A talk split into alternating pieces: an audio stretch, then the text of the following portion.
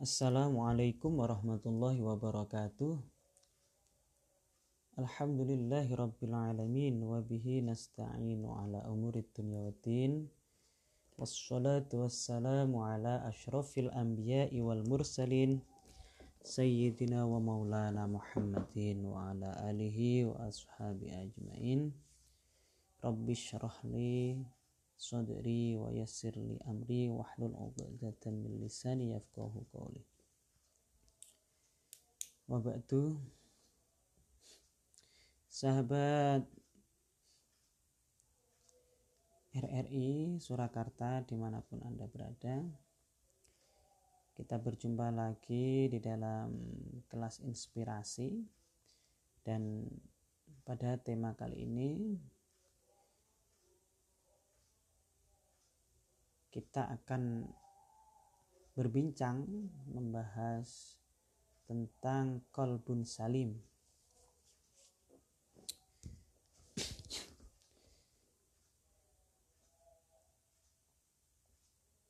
Tujuan dari puasa sebagaimana dalam Al-Qur'an dijelaskan bahwa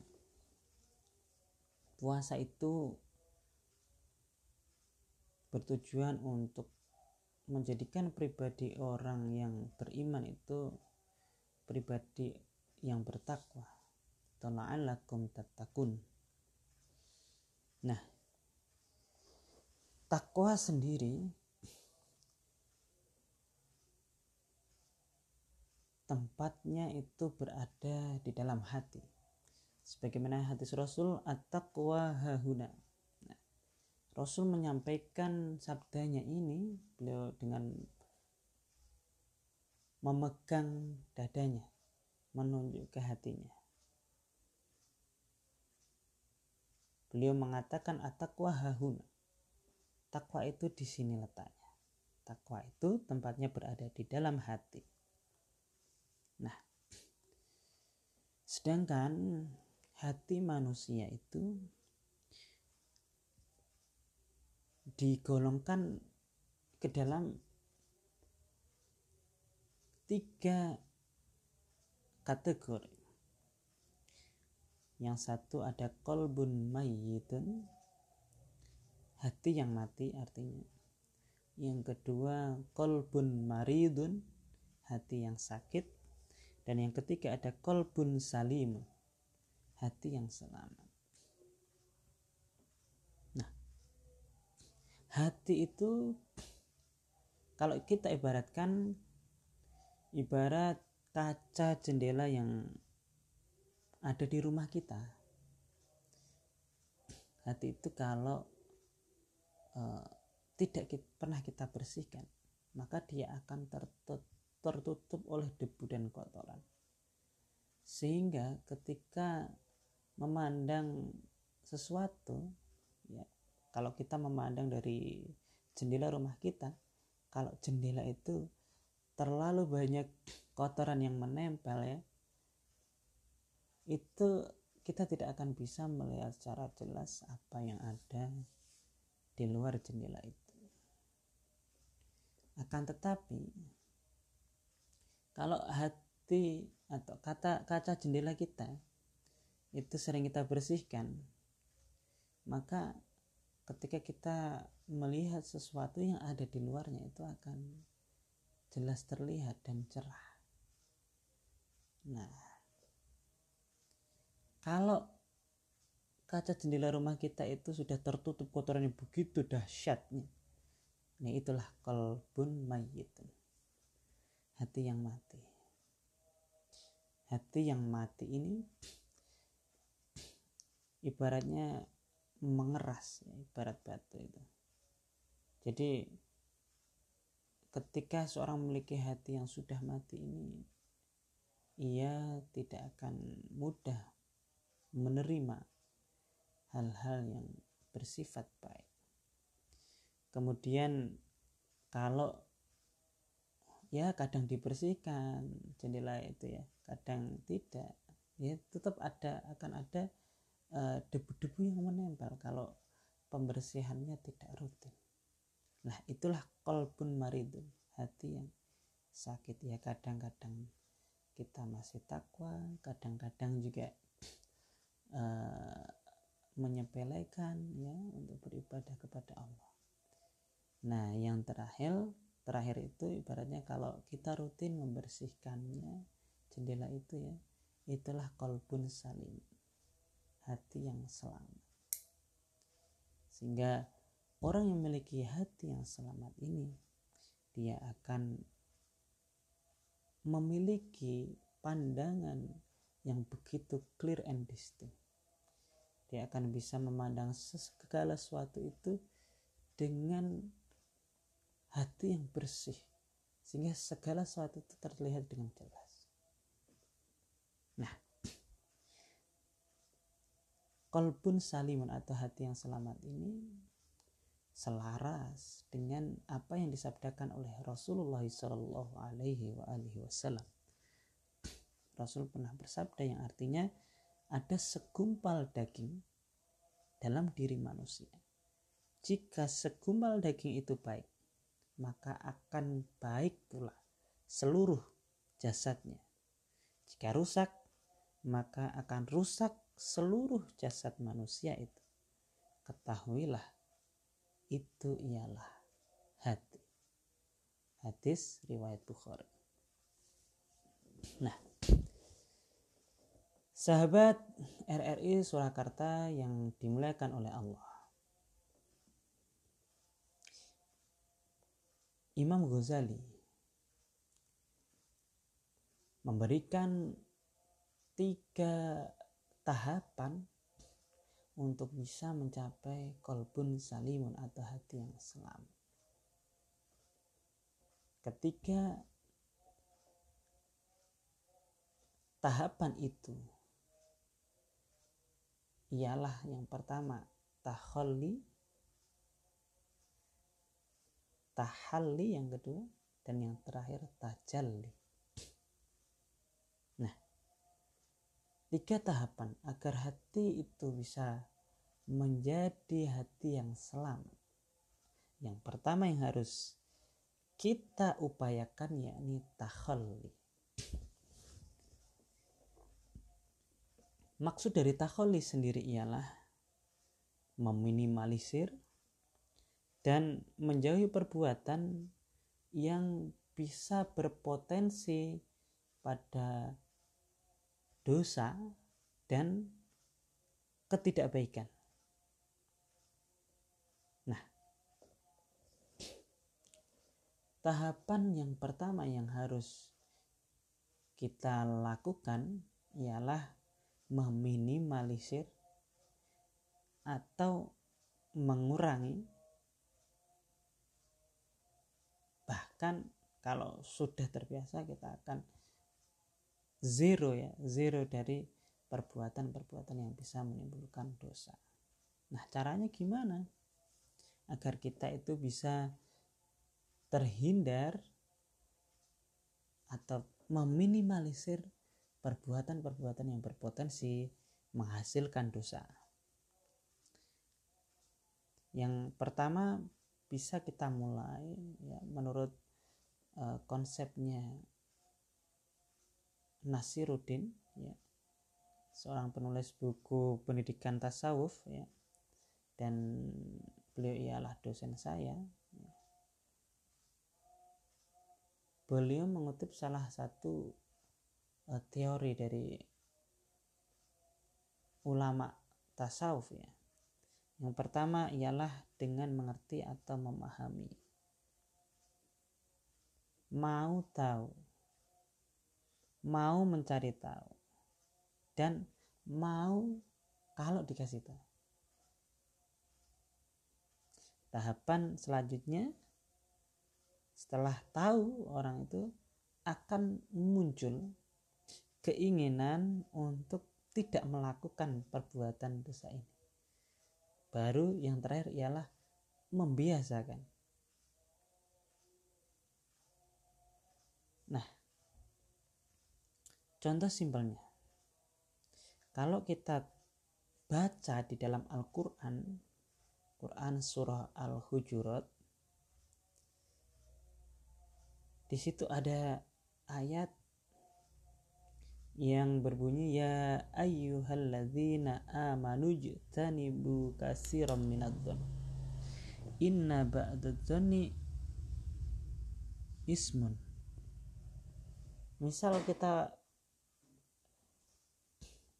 pahami sampai sini dulu misalnya inna ba'dadh ismun kita tahu bahwa sesungguhnya sebagian besar dari berprasangka itu bisa menghasilkan dosa.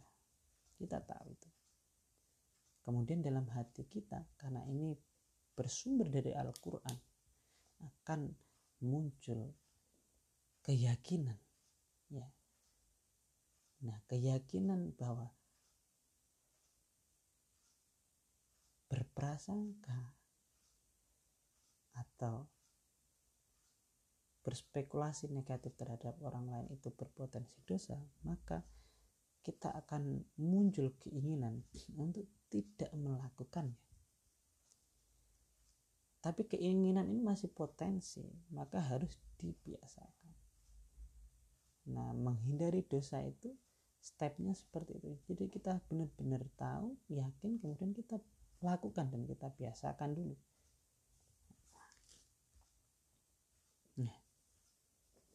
Karena kalau kita tahu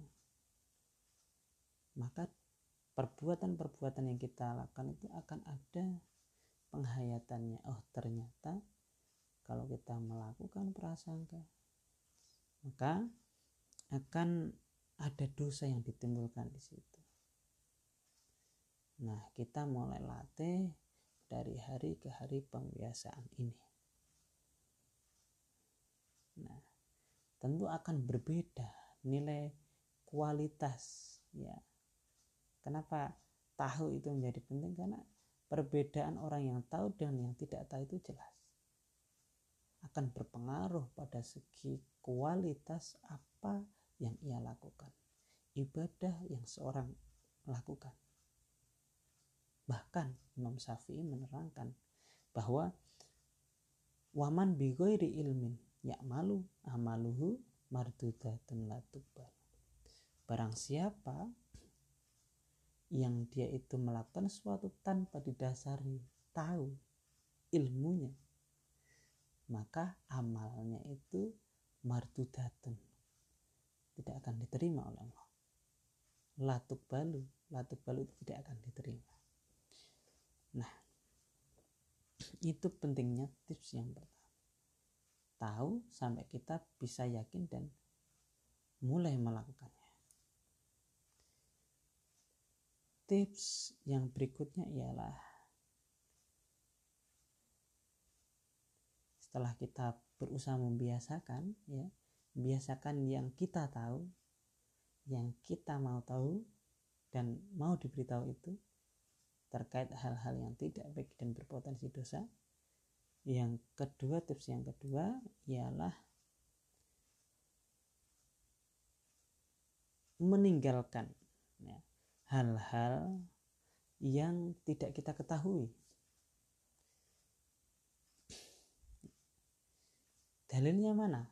Dalilnya min husnil islamil mar'i tarkuhu malayani ciri dari kebaikan kualitas keislaman seseorang itu bisa kita lihat dari sikap dia meninggalkan sesuatu yang ia itu sebenarnya tidak tahu atau dia tidak betul-betul paham akan hal itu. Ini sangat penting, apalagi di era sekarang ini. Saya contohkan, misalnya saya ini kan berprofesi sebagai guru agama Islam. Tentu sesuai spesifikasi yang saya miliki saya akan lebih tepat. Manakala saya membahas tentang persoalan-persoalan terkait agama Islam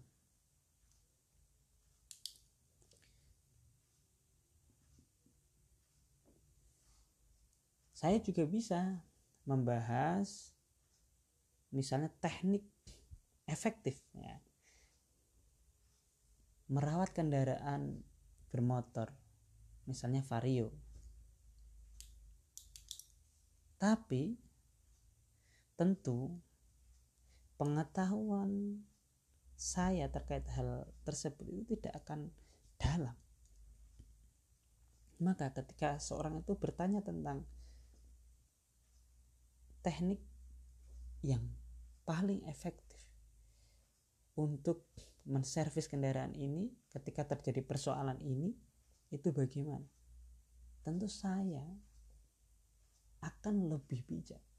Mana kalau saya bilang tidak tahu. Tidak tahu itu bukan sesuatu hal yang tidak baik. Nah, daripada saya memberitahu kemudian orang lain benar-benar melakukan hal tersebut dan ternyata di situ tidak ada kebenarannya. Justru hal itu akan menyebabkan seorang tadi yang bertanya pada saya itu terjerembab ke dalam ketidakbenaran. Maka perbuatan yang saya lakukan ini akan menimbulkan dosa. Nah delalah orang yang tadi itu bertanya itu menularkan ke orang lain. Sehingga dosa-dosa saya itu bisa menjadi dosa yang sifatnya dosa jahili dosa jariah. Nah ini kan berbahaya. Maka bijak dalam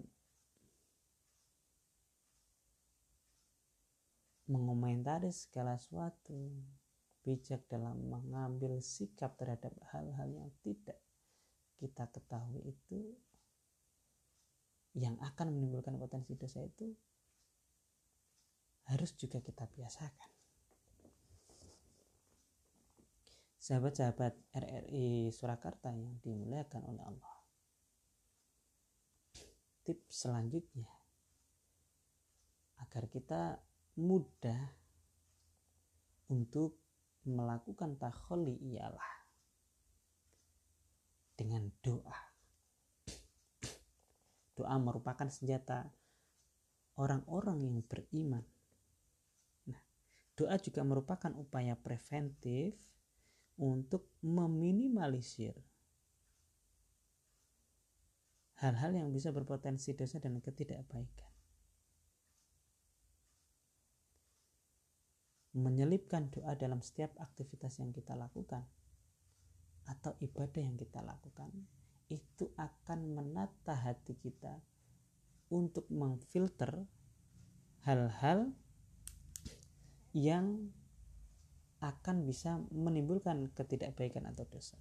Misalnya bisa kita latih hal ini dengan uh, kalau kita seorang pekerja misalnya kita bisa berdoa dulu sebelum berangkat bekerja.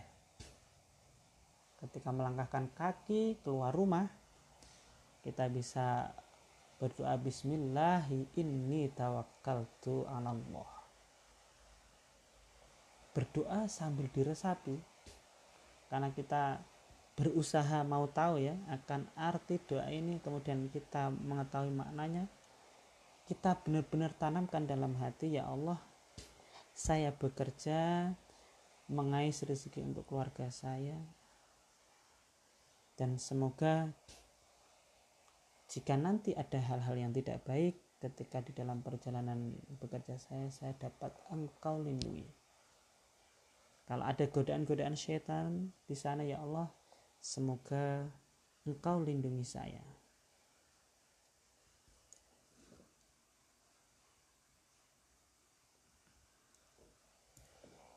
insya Allah dengan menyelipkan doa seperti ini selama satu hari itu kita akan dijaga oleh Allah Subhanahu wa taala. Contoh yang lain misalnya ketika berwudu ya ketika kita membasuh muka kita berdoa ya Allah semoga engkau lindungi wajahku dari hal-hal yang engkau haramkan. ketika membasuh tangan ya Allah semoga engkau lindungi tanganku dari hal-hal yang tidak baik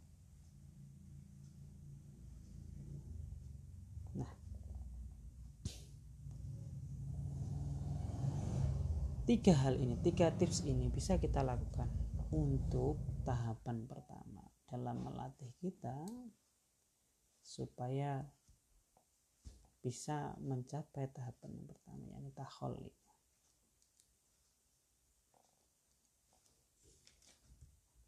kemudian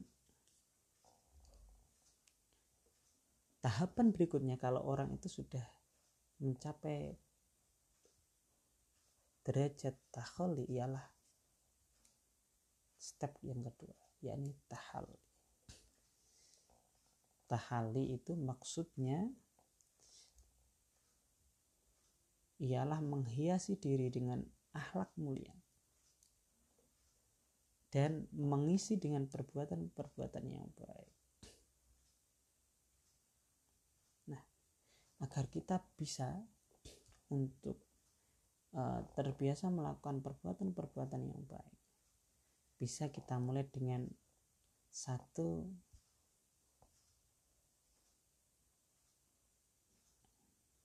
memaknai setiap ibadah yang kita lakukan. Nah, step yang pertama bisa kita mulai dengan tadi tahu artinya. Setelah tahu artinya, kita resapi. Dan benar-benar kita tanamkan dalam hati kita. Nah, terkait perbuatan ini misalnya bisa kita lakukan dengan ya hal yang kecil misalnya istighfar atau bacaan takbir ketika kita membaca astagfirullahaladzim aku mohon ampun kepadamu ya Allah sambil kita masukkan arti istighfar itu dalam hati kita astagfirullahaladzim ya Allah saya mohon ampun untuk pikiran saya untuk pikiran-pikiran yang tidak baik. Astagfirullahaladzim, ya Allah. Saya mohon ampun untuk mata saya. Mungkin pagi tadi saya melihat sesuatu yang seharusnya tidak saya lihat. Astagfirullahaladzim. Ya Allah, saya mohon ampun terhadap dosa anggota badan saya. Lisan saya mungkin pagi tadi, siang tadi, sore tadi banyak perbuatan saya yang tidak mengenakan lisan saya, ucapan saya itu tidak mengenakan di hati orang lain.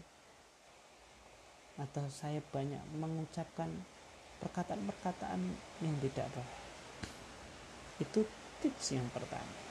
Agar ada semangat atau motivasi untuk kita bertahalli atau kita bisa menuju tingkatan yang kedua tahal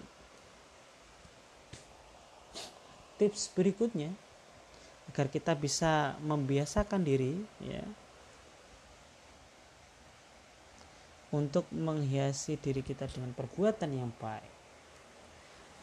Ya ialah dengan melihat orang-orang yang berada di atas kita baik dari segi kualitas maupun kuantitas ibadahnya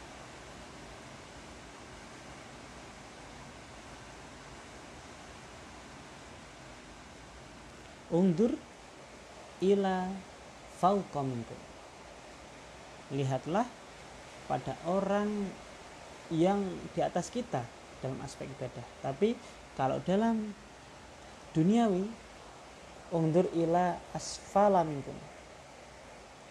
Jadi lihatlah orang-orang yang berada di bawah kita kalau dalam persoalan ekonomi agar hati kita senantiasa bersyukur. Karena banyak nikmat yang kita dapat ya yang orang lain tidak dapatkan. Tapi dalam persoalan ibadah nah, kita harus melihat orang-orang yang berada di atas kita. Dan orang yang baik cirinya ialah ia tidak akan pernah merasa sudah baik. Loh, kalau orang itu sudah merasa sudah baik maka dia akan merasa cukup. Ketika sudah merasa cukup maka ia akan berhenti atau stagnan.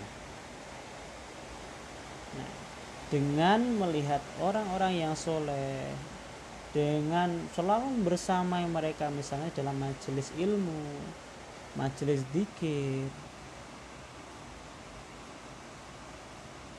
akan menggiring kesadaran kita bahwa ada orang-orang yang ibadahnya lebih baik lebih baik dalam segi kuantitas maupun kualitasnya daripada kita. Nah, akhirnya itu akan mendorong motivasi uh, fastabiqul khairat berlomba-lomba dalam kebaikan kita. Nah, kemudian ketika kita sudah melihatnya, melihat orang-orang yang soleh ini cukup atau tidak? Belum cukup. Agar kita bisa mengikuti mereka, kita bisa mulai dari hal-hal yang terkecil. Kata Syekh Azhar Nuji, ya, pengarang kitab Ta'limul Muta'alim dia mengatakan banyak amal yang kelihatannya itu terlihat seperti amal akhirat tapi justru menjadi amal dunia. Sebaliknya banyak amal yang terlihat seperti amalan-amalan perbuatan-perbuatan yang hanya bersifat dunia tapi justru itu berpahala akhirat. Nah saya ajar Azhar Nuji uh, beliau mengakhiri uh, penggalan kalimat ini dengan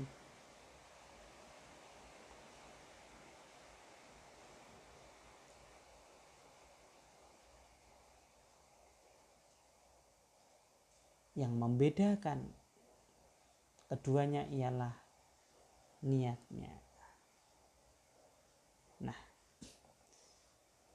dengan kita berusaha memulai dari hal-hal yang kecil, ya, seperti misalnya yang sederhana, misalnya bisa dengan tersenyum ya ketika ketemu orang lain. Tabassamuka fi wajhi akhika laka sodaka.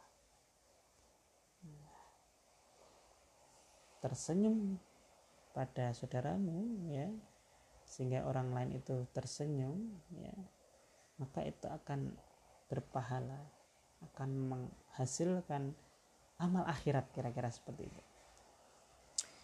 Dari hal-hal yang seperti itu hal yang simpel mengucapkan salam tersenyum dan lain sebagainya. Tidak melulu ibadah itu terkait eh, hal-hal uh, yang besar misalnya sedekah yang harus puluhan juta atau sebagainya. Kalau kita salah menaruh niat menurut Azhar Nuji tadi itu hanya akan menjadi amalan dunia. Ketika kita niatkan sodako itu hanya untuk mencari popularitas hanya untuk mencari ketenaran maka itu hanya akan menjadi amalan-amalan yang bersifat dunia. Nah tips yang terakhir untuk kita bisa mencapai makom tahalli ini ialah kita harus terbiasa menanamkan dalam benak diri kita itu bahwa amal baik itu merupakan investasi untuk akhirat kita. Ikmal lidunyaka ka'annaka ta'ishu abadan wa amal li akhiratika ka'annaka tamutu godan bekerjalah kamu untuk urusan duniamu itu. Seakan-akan engkau akan hidup selamanya. Dan berbuatlah untuk akhiratmu. Seakan-akan engkau akan mati esok hari. Nah, zikrul maut katakan mengingat mati itu akan membuat orang semakin waspada sekaligus dapat memotivasi seorang untuk berbuat baik. Kesadaran hidup ini hanya sekali dan sementara akan membuat orang akan semangat melakukan kebaikan. Bahkan bisa merubah dalam diri seorang yang tadinya tidak baik bisa menjadi baik. Tentu ketika seorang itu ditanya misalnya kamu takut mati atau tidak? Maka seorang itu akan menjawab pastinya iya sekalipun ia itu mohon maaf orang yang pekerjaannya tidak baik nah, fenomena-fenomena yang terjadi misalnya ada orang yang pekerjaannya tidak baik justru dia rajin ibadah. Itu banyak sekali di kita. Karena apa? Karena mereka jadinya juga takut mati.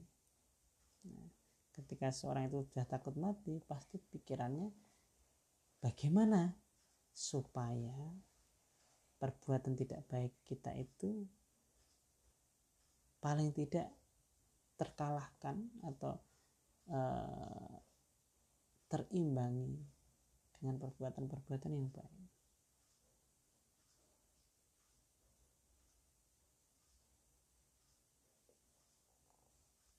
Dan setiap diri kita pasti sadar bahwa kehidupan itu sifatnya sementara. Nah, ketika seperti ini, maka seorang otomatis akan semangat untuk melakukan kebaikan. Nah, ketika orang itu sudah bisa melakukan ketiga hal tadi, maka hasilnya orang itu akan terbiasa berbuat baik, hatinya akan lembut. Ya, Nah,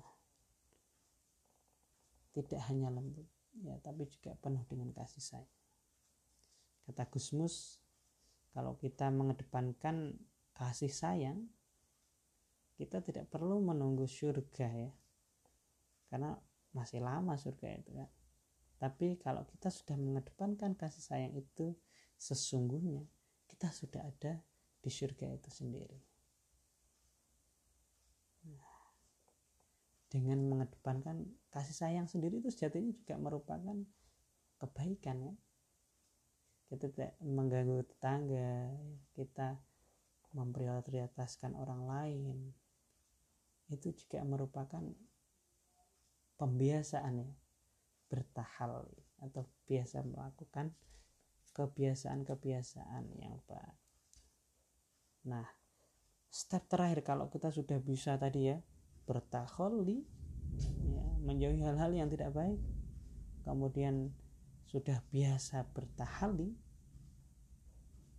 terbiasa melakukan hal-hal yang baik ya maka tahapan berikutnya menurut Imam Ghazali tahap akhir dari konsepnya beliau itu ialah tajal orang kalau sudah pada tahapan ini dia akan bisa menikmati step-step yang ia lalui dalam beribadah. Beribadah itu nikmat rasanya.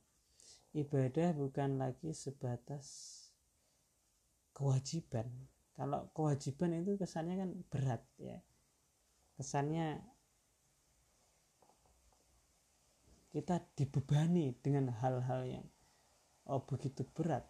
Tapi kalau sudah orang itu sudah pada makam tajali menurut Imam Ghazali ia menjadikan perbuatan-perbuatan ibadah itu sebagai kebutuhan sebagai sesuatu yang dirindukan kira-kira seperti itu dan orang kalau sudah mencapai makom ini ia akan selalu rindu dengan pertemuan-pertemuan dalam ibadah dengan Robnya dia akan menjadikan ridho Allah itu sebagai prioritas dalam kehidupannya. Nah, kenapa konsep ini begitu penting? Ya, karena penting untuk kita bahas ya, maksudnya kenapa konsep ini penting untuk kita bahas?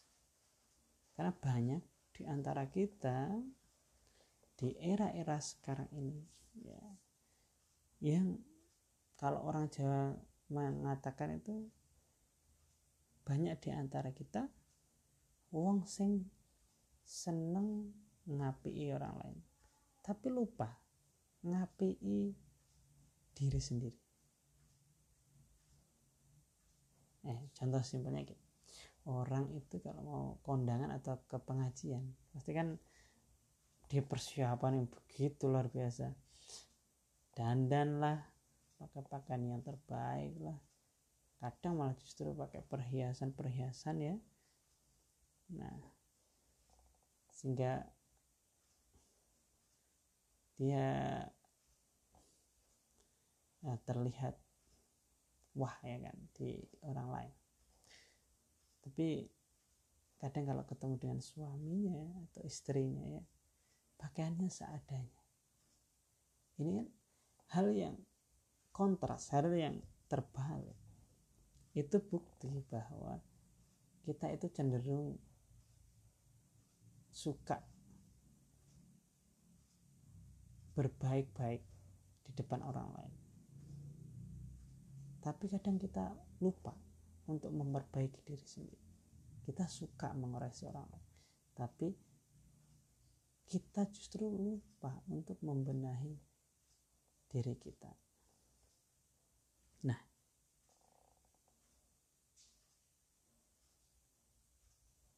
pada akhirnya kalau kita sadar untuk memperbaiki diri kita, kita akan mampu menghadapi kehidupan kita yang keras ini dengan hati yang bersih. Kita akan bisa untuk mencapai la'allakum tattaqun. Pribadi-pribadi paripurna, pribadi-pribadi yang bertakwa. Sehingga harapannya ketika kita bertemu dengan Allah, kita akan mendapatkan ridhonya. Amin, amin ya rabbal alamin. Semoga apa yang saya sampaikan ini ada manfaatnya. Tentunya mungkin bisa kita sambung dengan dialog ya. masih ada waktu untuk kita berdialog dan sedikit pamungkas jadi konsep ini penting karena banyak saudara-saudara kita yang saya temui ketika saya melakukan penelitian di sebuah pesantren yang menangani gangguan jiwa itu mereka itu mengalami gangguan jiwa ya banyak yang depresi stres itu ya karena persoalan-persoalan duniawi. Dan pada intinya tidak adanya pengendalian dalam hati mereka. Hmm, kebanyakan dari mereka itu ya ada yang oh calon DPR nah, yang tidak jadi orang yang putus cinta kemudian uh, orang yang kosong hatinya dia tidak tahu harus ke mana akhirnya ke diskotik akhirnya timbul kecanduan dan sebagainya akhirnya hati atau jiwanya itu tidak sehat.